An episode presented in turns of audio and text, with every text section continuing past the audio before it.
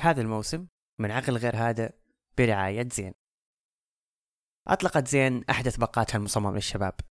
باقة شباب 199 مكالمات لا محدودة لجميع الشبكات المحلية.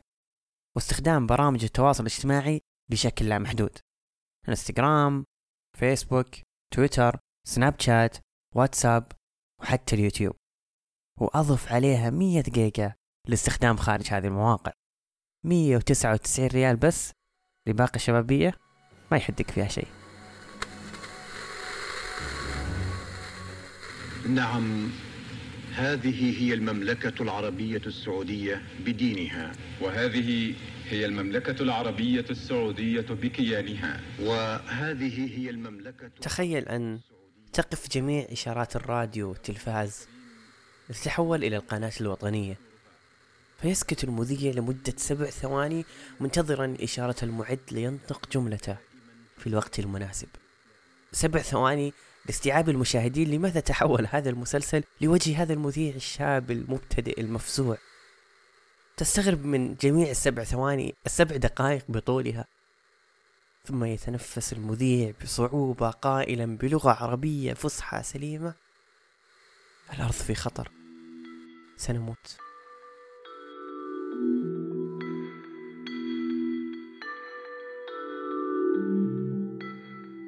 أهلا.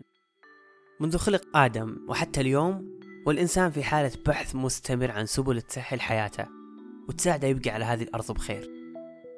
انتقل بنفسه من رحال متجول إلى مستوطن وتوفر له بسبب هذا التحول الراحة والأكل والأمان والصحة وحتى الدخل الثابت من خلال بيع أو مقايضة بعض من نتاج أشغالهم. أيام العصر الحجري كان يعتمد الإنسان في حياته على أدوات بسيطة تصنع من المواد الأساسية من حوله. وهذا الشيء خلاه ينطلق ويتطور من خلال معرفته باستغلال المواد من حوله لمصلحته. وكانت أساسياته ترتكز على مسكنة فصار يحاول البحث واختبار أفضل المساكن اللي تحميه وتضمن له حياة آمنة من تقلبات الجو أو الحيوانات المفترسة. أيضا ركز على طعامه من خلال استهلاك ما حوله من نبات وحيوانات.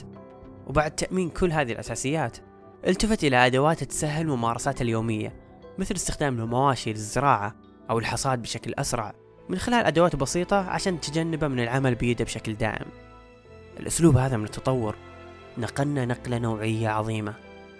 المرحلة اللي عرفنا فيها أننا مو بس نقدر نكون مستهلكين بل نصنع ونكون الصياد بدل الفريسة. قدرتنا كبشر على التطور بشكل سريع والبحث عن بدائل تخلينا ننتج أكثر وبجهد أقل خلتنا نلتفت لذواتنا بشكل كبير بعد ما كنا منشغلين لوقت طويل بالعمل وتوفير أساسيات العيش كبشر بدائيين. كنا مشغولين عشان بس نبقى أحياء.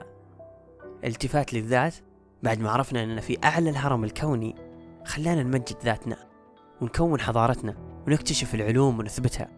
وأهم شيء وضعنا القواعد الاجتماعية بعد ما كنا فرديين تقريبا.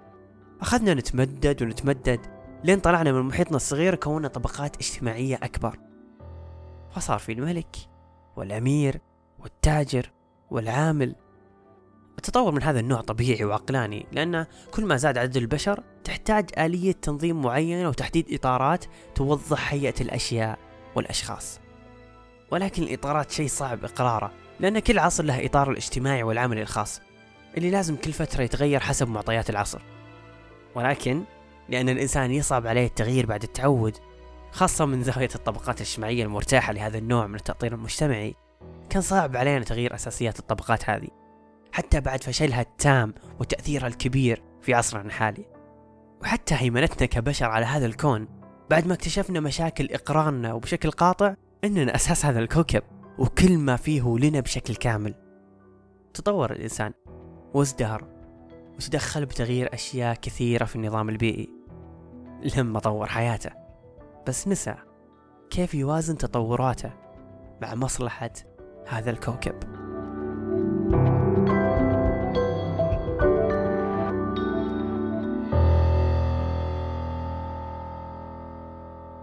In terms of power to change the world, we live an unprecedented time in human history. And I believe our ethical understanding hasn't yet caught up with this fact. The scientific and industrial revolutions transformed both our understanding of the world and our ability to alter it. What we need is an ethical revolution so that we can work out how do we use this tremendous bounty of resources to improve the world. هذا ويل ماكسكيل المتحدث في منصة تيد في لقاء بعنوان ما هي أهم المشاكل الأخلاقية في عصرنا الحالي. يقول ويل أننا نعيش في زمن لا مثيل له في تاريخ البشرية يعني تطورنا بشكل كبير لمصلحتنا. وأن الثورتين العلمية والصناعية غيرت من فهمنا للعالم وقدرتنا على تغييره. لكن اللي نحتاجه هو أكثر من كذا. نحتاج ثورة أخلاقية. عشان نقدر نوجد طريقة مناسبة لاستخدام هذه الهبة الضخمة من الموارد لتحسين العالم.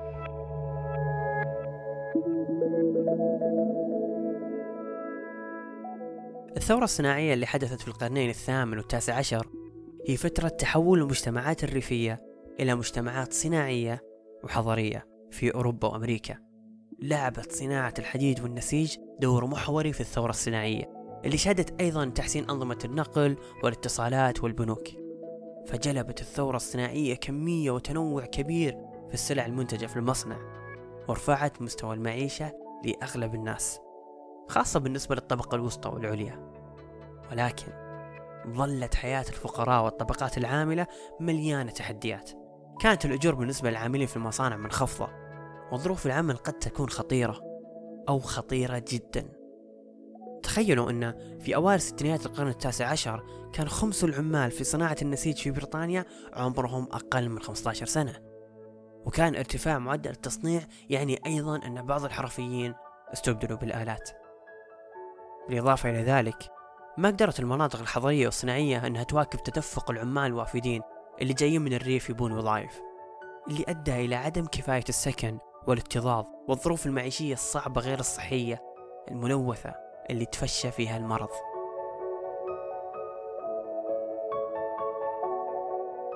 أحد الرجال البريطانيين في ذاك الوقت اسمه ند شن حرب كبيرة في رفض المصانع. فشكل مجموعة سرية من الرجال اللي يعارضون التغيير التكنولوجي ويدمرون الآلات كوسيلة للاحتجاج. لأنهم كانوا جدا مؤثرين على المواطنين من الطبقة العاملة كانت الوسيلة الوحيدة لإيقافهم هو إعلام من الحكومة البريطانية أن هذا النوع من الاحتجاج سيكون حكم الإعدام. وبالفعل في عام 1812 تم شنق العشرات وإطلاق النار على بعض المعارضين مما أدى إلى توقف الحركة بعد عام واحد فقط. كان هدف المجموعة الأساسي اللي حركهم الاحتجاج بالأصل هو أن الآلات راح تأثر على وظائفهم. بس أحس كان عندهم بعد نظر ما لاحظوا إلا جزء بسيط منه. بعد نظر لكارثة أكبر من مجرد وظائف وراتب زهيد.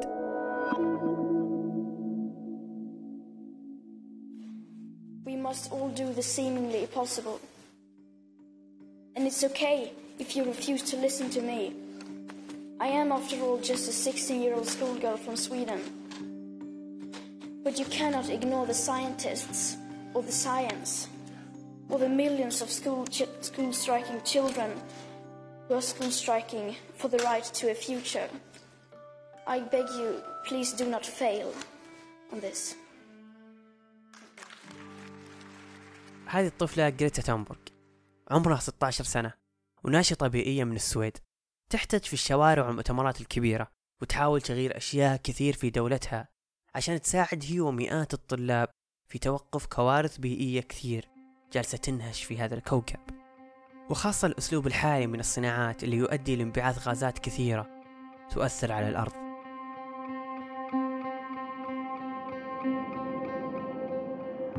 قبل كل هذا خلينا نشرح شيء بسيط. تخيل معي أن الكرة الأرضية محاطة بمادة معينة مصة الحرارة عشان تخليها دافئة فكل ما زاد تركيز هذه المادة زادت نسبة أنها تحافظ على كمية أكبر من الحرارة. شيء جيد صح؟ عشان ما نتجمد. لا كمية كبيرة من الاحتفاظ بالحرارة يعني تحولها من شيء جيد وهو الدفء إلى حر وزيادة معدل درجات الحرارة في جميع الكرة الأرضية. هذا هو التعريف المبسط للاحتباس الحراري. وتركيز ثاني أكسيد الكربون مجموعة غازات أخرى حول كوكب الأرض يسمونها الغازات الدفيئة. في أمريكا تعتبر محطات توليد الطاقة اللي تعمل بالفحم هي أكبر مصدر لانبعاث ثاني أكسيد الكربون. وثاني أكبر مصدر لتلوث الكربون هو قطاع النقل والمواصلات اللي يولد حوالي 1.7 مليار طن من انبعاثات ثاني أكسيد الكربون سنويا فقط في أمريكا. لكن ترامب عنده وجهة نظره الخاصة So Obama's talking about all of this with the global warming and the, that. A lot of it's a hoax. It's a hoax. I mean, it's a money-making industry. Okay, it's a hoax. The president has tweeted climate change. يقول إنها كذبة ببساطة ما يشوف الأرض شيء مهم بالنسبة له طالما الوضع مو جيد اقتصاديا لدولته ما علينا من كل هذا ارتفعت مستويات الغازات المحيطة بالكرة الأرضية على مدار التاريخ يعني ما في شيء جديد كونها تزيد بس كانت ثابتة إلى حد ما على مدار آلاف السنين اللي راحت. لكن لين ال 150 عام الماضية وبسبب اكتشاف طريقة صنع الطاقة عن طريق حرق الفحم وحرق الوقود الحفوري وغيرها من الأنشطة اللي تسببت في إطلاق كميات كبيرة من هذه الغازات من ذاك الوقت مستمرين البشر إلى الآن في زيادة تأثير هذه الغازات وسخونة الأرض بشكل كبير. طيب أوكي. الأرض تزيد حرارتها بس يا أخي متعودين من يوم لأن الوضع حار زي كذا بالصيف. بعدين يا أخي عندنا مكيف. لا الأمر أكبر من رفاهية عيش ومكيف وبرودة عشان تصيف زي الناس في الرياض. الأمر أكبر من كذا بكثير.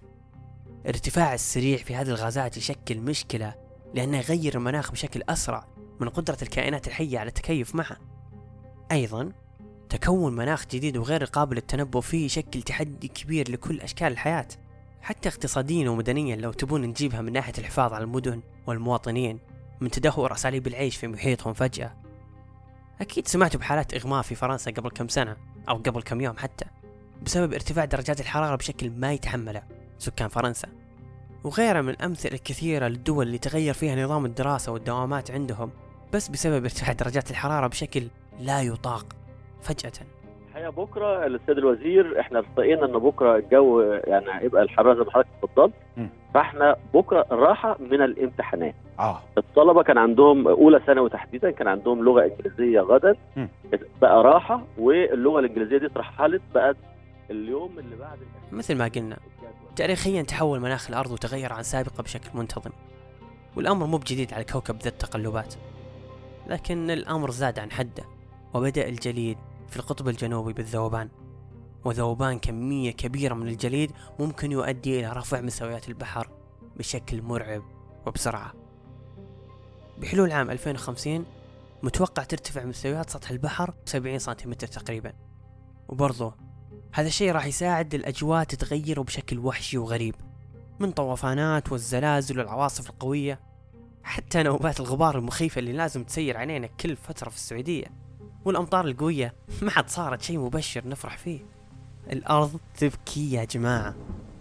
كمية كبيرة مفاجئة من الأمطار اللي تجي بأوقات غير متوقعة وفي غير فصولها أحيانا. هذا ممكن يعني أن يتلوها فترات جفاف أطول وأكثر جفافا من أي وقت سابق. وبكذا يتحول الأمر من سالفة ضرر علينا كبشر بشكل مباشر إلى ضرر على أي مخلوق يعيش على هذه الأرض. لأن التغيرات الكبيرة المتراكمة هذه راح تأثر على الأماكن اللي تعيش فيها النباتات والحيوانات اللي ناكلها أنا وأنت. صح. الأمر تجاوز مرحلة إثباته من عدمه. تقول وكالة ناسا أن نسبة احتمال أن كل هذا من صنع البشر هي 95% تخيل.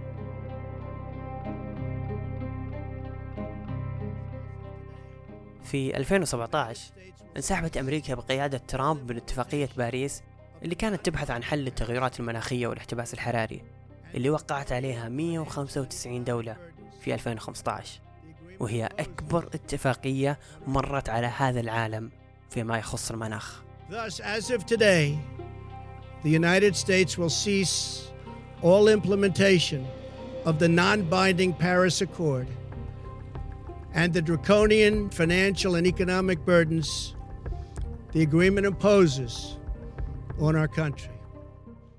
وللأسف السعودية من المعترضين نسبيا عن هذه الاتفاقية ولكنهم موقعين عليها بشروط كثيرة عشان تتناسب مع النظام الاقتصادي بالبلد. شوي عقلاني كون السعودية مصدرها الوحيد الآن هو النفط. لكن يفترض تتغير أشياء كثير خاصة مع رؤية المملكة 2030 الفرق بين السعودية وقرار ترامب أن ترامب انسحب بشكل كلي زعم أن موضوع التغير المناخي أمر تجاري ويستغل أمريكا. بمعنى أنه أصلا غير مؤمن بوجود هذا الشيء مع أن دولته هي من أكثر الدول في نسبة انبعاثات ثاني أكسيد الكربون. ما ندري شو نقول.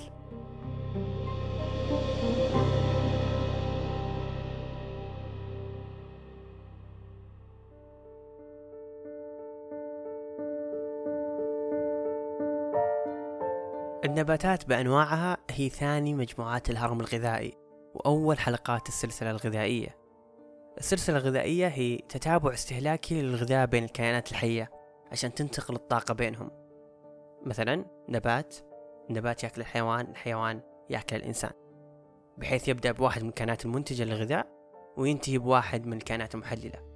واختفاء نوع أو أكثر من الكائنات الحية في بيئة معينة ممكن يؤدي إلى خلل في السلاسل الغذائية. وفي النهاية خلل في التوازن البيئي. طيب ليش النباتات هي أول حلقات السلسلة الغذائية؟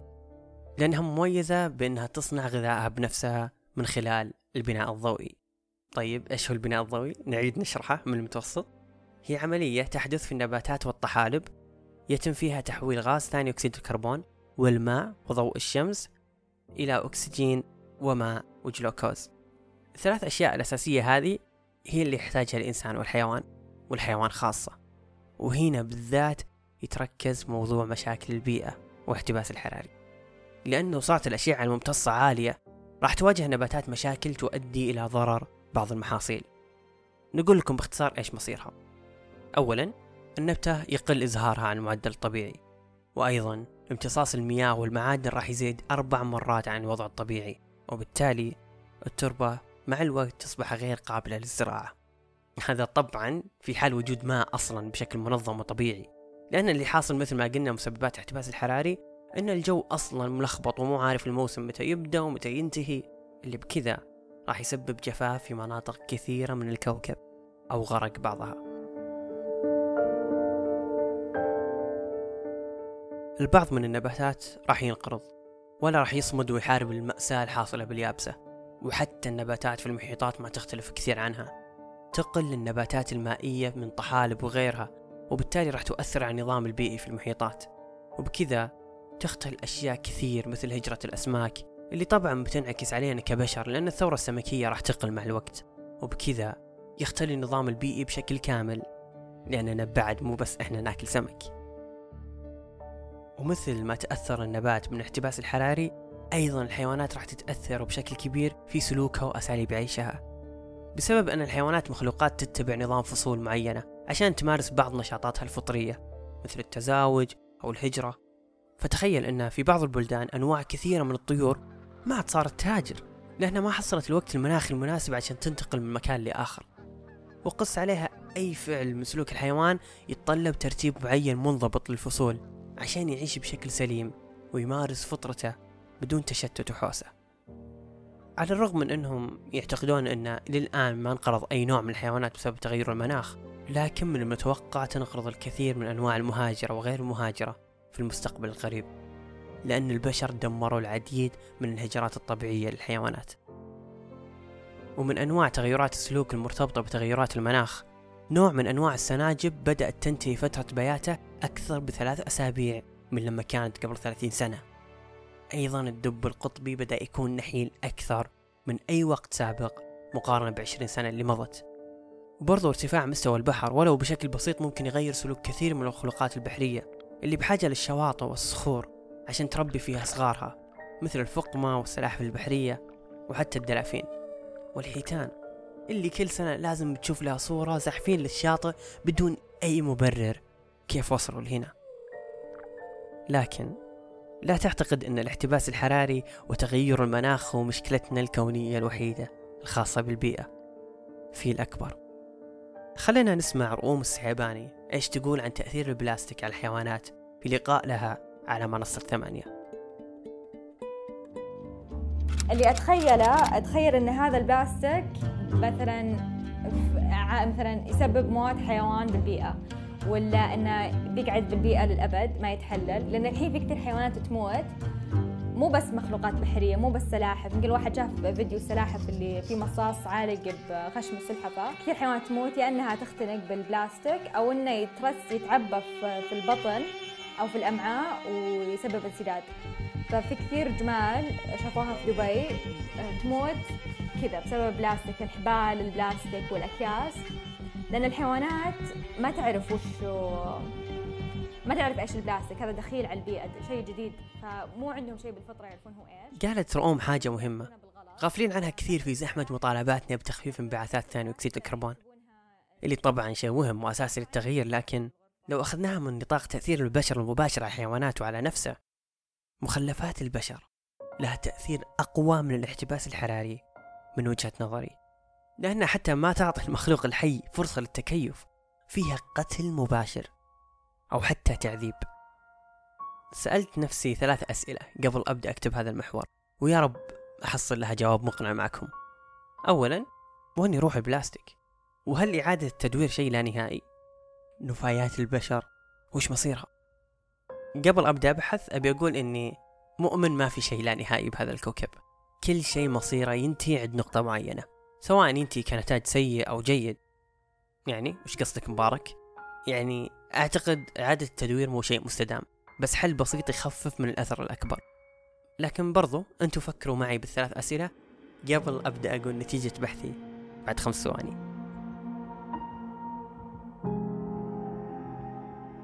طيب وين يروح البلاستيك؟ اولا البلاستيك مثل ما نعرف هو عبارة عن مواد مصنعة من مواد عضوية مثل النفط الخام والغاز الطبيعي ويعتبر مادة مكتشفة من قريب مو بعيد مرة. البلاستيك داخل في أمور حياتنا الروتينية من أصغر الأشياء علب موية أكياس إلى دخوله في الأجهزة الإلكترونية وحتى الملابس. هو حرفيا اجتاح حياتنا. كونه قليل تكلفة ومقاوم للماء وسهل تشكيله لمناسبة أي احتياج أو غرض والعديد من المزايا اللي دفعت البشر لجعله من الاستهلاكات اليومية في حياتهم. ما ننكر إنها مادة عظيمة الاكتشاف وسهلت علينا التخلي عن مواد كثير طبيعية صعب الحصول عليها أو تكلفتها عالية. حرفيا ما دخل البلاستيك بشيء إلا زانه وسهل علينا وبرضه خلاه رخيص. بس هذا الاندفاع الكبير تجاهها من سنة اكتشافها للآن اللي ما تتجاوز 80 سنة. بس 80 سنة سببت الكثير من المخاطر على كوكب الأرض فهو غالبا غير قابل للتحلل وحتى النوع المتحلل منه يتطلب ظروف معينة. في الأغلب ما تتوفر له. عدم توفر المكان المناسب لاحتوائها والتحكم فيها خلاها توصل للمحيطات اللي تعتبرها كثير من الدول النامية. مصدر جيد لجعل مكب للنفايات. ما يحتاج نكرر لك ونعطيك أمثلة ونخليك تتخيل مشاهد كثير شفتها للبلاستيك وأثر على المحيط. الأذى اللي حاصل اجتاز كل التوقعات وكل الكلمات السابقة ما راح تكفي. البيئة البحرية واليابسة شكلت فيها طبقة من البلاستيك. طبقة من صنعك وصنعي وصنع الآخرين. طبقة لم تكن باختيار الأرض. مشكلة البلاستيكيات ما هي مشكلة ترفية إنه أوه نحن كده بنتدلع وبنصير organic، لا هي مشكلة بتضر في البيئة، بتضر فينا كبشر لأنه كيف يتم تدمير البلاستيك؟ لأنه ما ما ينزل في الطبيعة بشكل طبيعي فيطلع غازات سامة، الغازات السامة نستنشقها، الحيوانات الصغيرة لما تأكل البلاستيكيات والحيوانات الكبيرة تأكل الحيوانات الصغيرة فهي كمان تتلوث. بعدين نحن نأكل الحيوانات الكبيرة يعني كل كل ما نلف ونرجع وندور. البلاستيكيات ضررها يرجع لي أنا. كبشر. سنويا بنقتل مليون ومية ألف حيوان بسبب البلاستيكيات. في 600 حيوان بحري مهدد بالانقراض. حيختفي بسبب البلاستيكيات. هذا عمر حسين من برنامج اليوتيوب يتكلم فيه عن وقوفنا ضد البلاستيك. مو دلع وأسلوب ترف المارسة بس بالعكس هي مشكلة حقيقية وآثارها واضحة الملامح وقدام عيوننا. الآن 9% فقط من البلاستيك قابلة لإعادة تدويرها. و12% يتم حرقها. و79% موجودة الآن في البحار والصحاري. أو في مستودعات النفايات اللي ما ندري وش مصيرها النهائي. أحد الطرق المناسبة للتخلص من النفايات هي إعادة التدوير. حل عظيم اكتشفه البشر وساعدنا مرة كثير. لكن السؤال الأهم لين متى بنعيد تدوير الشيء؟ بلاستيك ورق وغيره. هل هو لا نهائي؟ طيب الجواب بسيط ومخيف بنفس الوقت.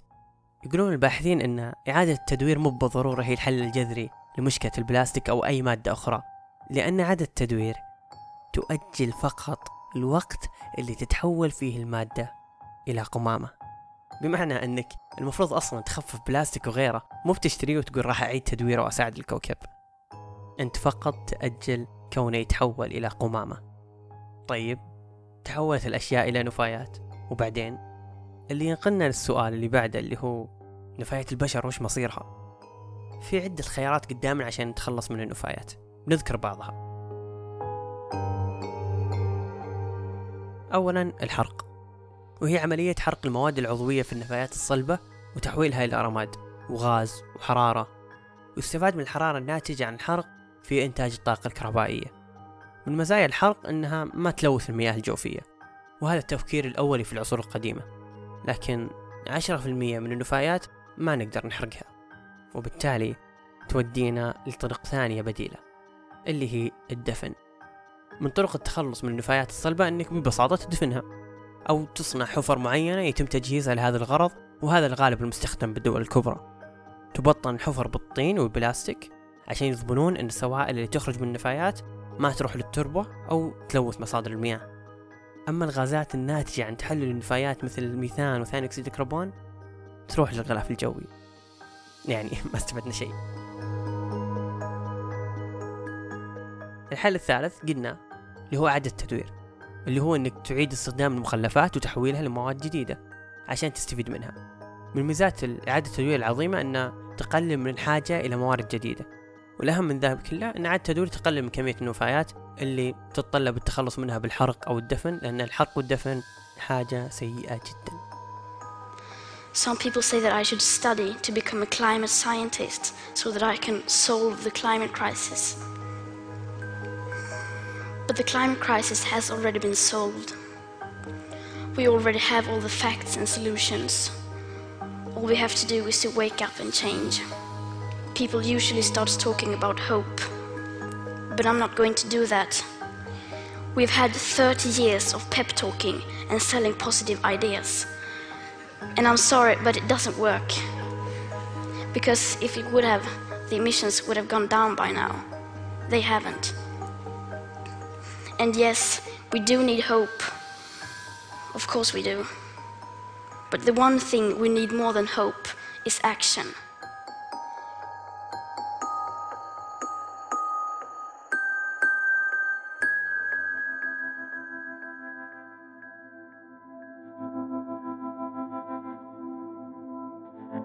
مثل ما قالت جريتا تومبرغ ما راح نعطيكم أمل لأن الأمل ما يجي إلا بعد الفعل. مو بنتغنى فيه وإحنا جالسين في مكاننا. ما نبي نخوفكم ولا نزرع فيكم أمل بزيادة لأن لو في أمل كان انحلت مشاكل الكوكب من زمان. دام الحقائق والبحوث والحلول بيد المغير الأكبر. من مهام الحلقة قبل نكتبها أصلا نخفف تذمر وإحباط ونعطي حلول قد ما نقدر. بس أول شيء خليني أشرح وجهة نظري. من زاويتي أشوف سبب هذا كله هو أن البشر في ازدياد. ولأني ماني بطاغية ما راح أقول لك نوقف تكاثر. طيب ليه؟ وش علاقة زيادة البشر؟ ان صرنا زي كذا مضرين. طيب تكاثر البشر يساوي حاجة أكبر للأشياء بعدد كبير عشان نغطي حاجتهم. وبكذا يساوي حاجة لسرعة تصنيع عشان تواكب الاحتياج هذا. وغالبا سرعة التصنيع ما تتوافق مع أن المنتج يكون بجودة عالية جدا. وبكذا يوصلنا أن نبحث عن بدائل رخيصة وسريعة اللي راح تساوي بيع أكثر وهذا اللي يبيه التاجر. طبعا إحنا كمستهلكين نبيه لاننا ما نبي نصرف واجد. وأخيرا البدائل الرخيصة والسريعة اللي بعدد كبير ضررها بعيد المدى اللي قاعدين نشوفه الآن. تخيلوا هذه السلسلة على جميع المنتجات الاستهلاكية الموجودة بالسوق الحين. أدوات رخيصة ملابس سيارات حتى أكل رخيص. وحتى النباتات اللي هي الشيء الطبيعي الوحيد بالحياة صارت تدخل بدوامة التصنيع هذه وتعدل جينيا عشان تتكاثر بشكل أكبر في تواكب التضخم البشري هذا هذا قصدي أن ازدياد البشر هو المشكلة هل في حل جذري؟ ولا أصلا البشر كذا ولا كذا راح يوصلون لهذه النقطة ولا يقدرون يعيشون بدونها لأنهم جالسين يتكاثرون؟ أشوف ما في حل جذري إلا التخفيف لأن خلينا نكون عقلانيين الأمر أكبر من عدم شراء بلاستيك أو نصنع مظاهرات ضد المصانع. ما نقدر نعيش بدون المصانع والسيارات والنباتات الغير عضوية. حتى البلاستيك نفسه اللي هو أغث مادة بالكوكب. خلاص. ختم علينا حاجة استخدامه حتى لو حلفنا أننا راح نتجنبه. وحتى لو إحنا قدرنا نعيش بذا الطريقة السليمة نسبيا. مو بكل البشر مثلنا راح يقدرون يأكلون أكل صحي 100% مثلا أو أنهم يشترون سيارات كهربائية عشان يحافظون على الكوكب. أو حتى التوقف عن العمل في المصانع ما نقدر نوقف اللي وصلنا له الحين الكوكب مكتوب له يموت على يد البشر عند نقطة معينة بس لين موته بدري هذا اللي بيدنا للآن Many people say that we are too young to do this, we shouldn't do this. And I agree, we shouldn't have to do this. But in the situation we are in now, we feel like we have to do this because we won't accept you risking our future. If the adults won't take responsibility, then we will have to.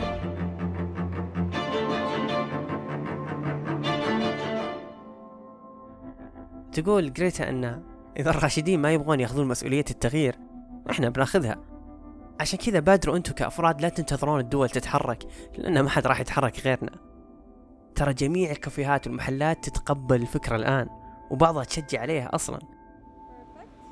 يصير لي مرات مواقف محلات آه يقول لي لا لازم أحط لك بلاستيك بعدين أنت حطيه بكيسك.